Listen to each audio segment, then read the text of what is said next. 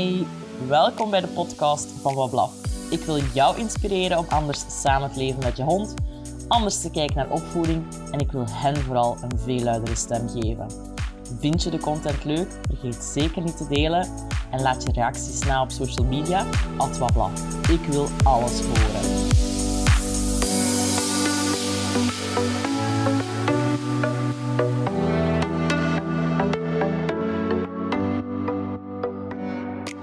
Is een beetje een rare dag vandaag.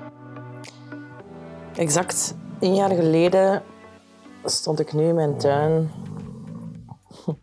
Dex is ondertussen een beetje aan het meevertellen op de achtergrond.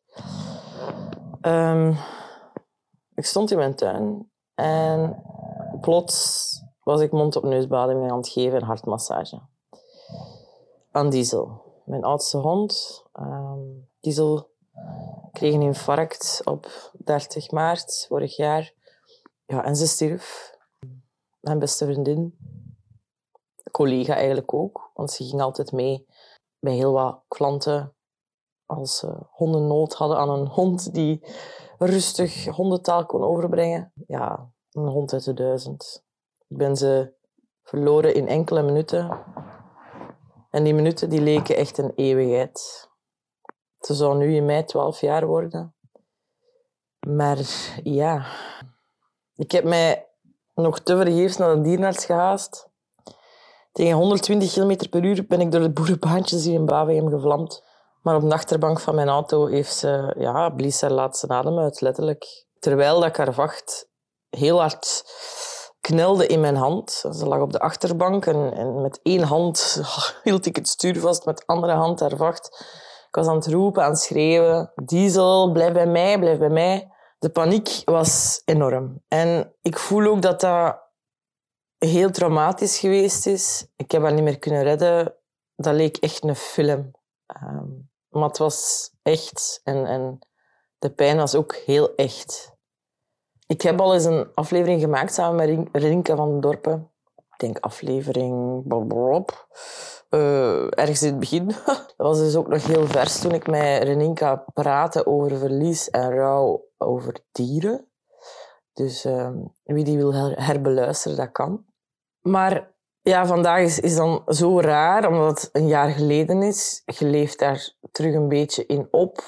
In de zin van dat je dat precies allemaal nog eens door je hoofd laat spoken. Heel die dag.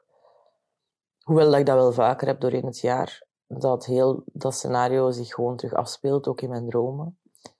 En natuurlijk het feit dat er hier maar twee honden mee rondlopen, is ook een dagelijkse herinnering, elke keer. Wat raar is dat, dat ik sindsdien zoveel motivatie heb gevonden om verder te doen, om door te doen.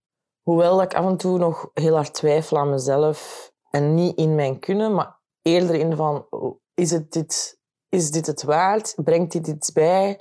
Brengt dit voldoende bij? Heb ik genoeg impact met wat ik doe, met wat ik um, creëer? En ik moet zeggen, sinds dat zij er niet meer is, heeft ze mij precies echt nog een extra duwtje in de rug gegeven, terwijl zij eigenlijk vanaf haar geboorte een hele grote motivatie was om te doen wat ik vandaag doe. Niet alleen motivatie, ook gewoon pure inspiratiebron. Ze heeft mij zoveel geleerd. Samen met andere honden in mijn leven. Maar als ik, die, ja, als ik terugdenk aan dat trauma, dan bevestigt het ook weer dat je uit bepaalde trauma's zoveel haalt. Niet dat je als een phoenix reist of zo, maar het heeft echt een extra push gegeven aan oké, okay, Annelies, dit is echt zo belangrijk voor u om zoveel mensen te kunnen inspireren om ook, zoals dat jij met Diesel hebt kunnen omgaan, uh, met hun hond samen te leven. En ik weet nog, ze was vijf weken oud toen dat ze illegaal naar België kwam, uit Griekenland. Want ze is een adoptiehond uit Griekenland. Ik weet niet of ik dat vandaag de dag terug zou doen, want daar hangt heel veel risico aan vast. Omdat je een hond uit zijn vertrouwde omgeving haalt. Dat is best pittig. Die maatschappij waar we hierin leven is absoluut niet dezelfde dan de straathonden vanuit Roemenië, vanuit Griekenland, vanuit Spanje. Van God weet waar. Maar goed, ja, ze werd gevonden bij haar, eh, bij haar moeder op straat. Haar moeder was vergiftigd. En alle pups lagen nog jankend aan die mama haar zei. En Het Griekse opvangcentrum had geen middelen of geen mensen om die pups daar verder te bezorgen. Dus hadden ze besloten om ze over te brengen naar een vereniging hier in Vlaanderen. En ik weet nog exact het moment waarop dat ze die pups binnenbrachten. Want ik ging heel vaak naar dat centrum. Ja, heel vaak. Af en toe is vrijwilligerswerk, soms gewoon eens gaan kijken naar de dieren. En ze brachten die pups binnen, volledig onder de vlooien. De stoelgang plakte gewoon in hun vacht nog van de lange rit naar België. Zes kleine pupjes en al zoveel ervaren op zo'n korte tijd. En hoewel dat mijn red flags allemaal hadden moeten afgaan, ja, was Diesel daar. En het is een beetje hoe dat ze dat zeggen, love at first sight. Als je kijkt, als je gaat kijken, als je ze vastneemt, zijn ze verloren. Daarom dat er ook nog zoveel broodfokhondjes verkocht worden, omdat het moment dat je gaat kijken, is te laat. Het is gewoon te laat. En ja, mensen zeggen soms van, dat is maar een hond. Wow, love at first sight. Uh, maar de pijn en het verdriet dat ik, dat nu voel bij haar verlies, ja, dat is enorm. Die zijn enorm menselijk. Ik voel al de trillen in mijn stem. Omdat erover praten is nog steeds heel pittig. Hoewel dat een jaar geleden is. Uh, er is echt een leven voor mij en na Diesel. En dat zegt wellicht heel veel over de impact dat ze heeft gehad op mij. Op klanten, maar ook op vrienden en familie trouwens. Ik ben gewoon enorm dankbaar voor die elf jaar dat we samen hebben gehad. Zo, die ene hond die je wereld op zijn kop zet, helemaal verandert. Je kunt ook zo mensen in je leven hebben, die, die, of kinderen die zo... Die veranderen heel je denkpatroon en die, die laten u zo hard groeien als mens. Dat is een inspiratie, dat is een liefde, dat is, dat is een gigantisch gemis. Dus ja, ik dacht, ik ga... ik dacht, het is een goed moment om dit even op te nemen op een podcast. Eén jaar na datum.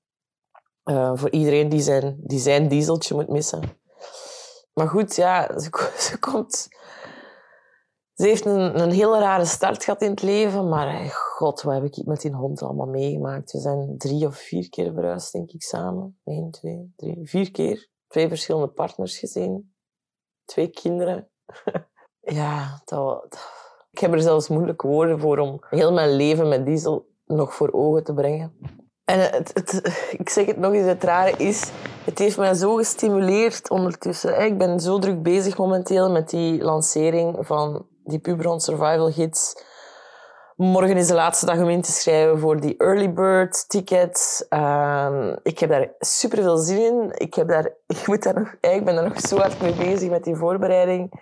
Gewoon omdat, hoe moeilijk het ook is om zoiets in de wereld te zetten. Want je weet uiteindelijk niet of iemand daar behoefte aan heeft. Jawel, ik weet dat wel, dat mensen daar behoefte aan hebben. Het, is gewoon een, een kwestie van het tot bij hen te brengen. Maar het vraagt zoveel passie, tijd, energie zonder directe feedback te krijgen van mensen. Wat maakt dat je dus heel lang op een, op een ja, elan moet doorgaan zonder echt bevestiging te krijgen van ja, dank u, deze is het, merci.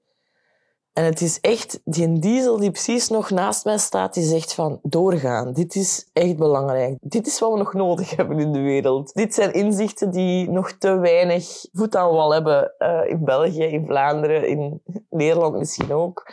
En dingen bewegen. Vroeger dacht ik dat ik de wereld moest veranderen. Dus ik deed heel veel vrijwilligerswerk in het buitenland, binnenland. Uh, ik zat heel hard in met problematieken die aan de andere kant van de wereld gebeurden voor mij. En ik heb dat echt heel stelselmatig kunnen loslaten. En beginnen focussen op wat kan ik bewegen in mijn directe omgeving. Waar, heb ik, waar kan ik impact op hebben? Waar, kan ik controle, waar heb ik controle over? De dingen waar je geen controle over hebt. Je hebt twee keuzes. Of je laat dat je opvreten. Of je laat dat los. Hè? En je focust op de dingen waar je wel controle over hebt. En dit zijn zo van die dingen waar ik controle over kan hebben impact die ik kan hebben op de mensen rondom mij. Ehm, mijn vrienden, familie, de dingen die ik tegen hen zeg. Maar ook mijn klanten, mensen die, die mij bellen, die plots advies krijgen aan telefoon terwijl ze niet eens een consult geboekt hebben. Ehm, dat zo impact hebben op de mensen die die connectie maken. En ik weet dat zij daar gewoon een hele grote motivator in is. En ja, het is raar om haar te bedanken via een podcast, maar het is gewoon heel belangrijk om daar vandaag te kunnen over praten. En ehm, dat blijft gewoon een hele moeilijke om over verlies te praten van een dier. Eén jaar na datum, twee jaar na datum, drie jaar na datum. Omdat de omgeving niet altijd beseft wat zo één dier kan betekenen. En ik word nu veel te emotioneel, dus ik ga de aflevering afronden. Ik wou gewoon eventjes mijn verhaal van vorig jaar met jullie delen, omdat het belangrijk is voor mij en omdat ik weet dat er nog mensen zijn die dezelfde waarde hechten aan een dier, of wat dat een dier voor hen heeft of kan betekenen. Goed. Oké, herpakt u. Dus ik ga gewoon door. Ik heb haar bij mij en ik wil gewoon ja, zoveel mogelijk blijven ehm, strijden voor de emotionele rechten van, van de hond, voor, voor de emotionele beleving van de hond. Ze zijn, het, het is zo een groot deel van, ons, van onze samenleving en kinderen zijn dat ook. En die worden zo hard weggecijferd. Hè. Die worden, daar wordt echt zo weinig rekening mee gehouden. En je kunt zeggen, alleen Lies, dat is toch al keihard veranderd. Ja, dat is aan het veranderen. En dat is niet aan het veranderen op tempo dat ik wil. Daar zit mijn frustratie. Ik wil dat het harder gaat, sneller gaat. Ik wil dat oh, zoveel meer mensen mee zijn in het belang van in die behoeftes te voorzien dat de individuen die wij in ons leven halen, hebben wat dat, dat ons ook teruggeeft, dat is onbeschrijfelijk gewoon. Ja, als ik nu een beetje te zweverig begin te worden, oké, sorry. de helft haakt af. Prima, echt prima. Ik weet dat het zo snel niet kan gaan. Het komt wel, het komt wel. Met tijd en boterhammen zeggen wij in Vlaanderen.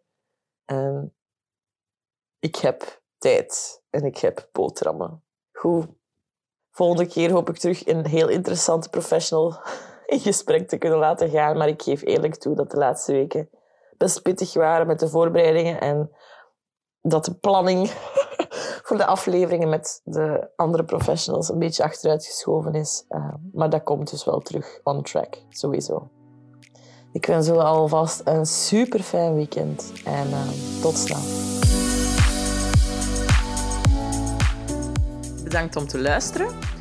Nu nog iets meer naar onze honden en dan zijn we op weg naar een betere wereld. Salut!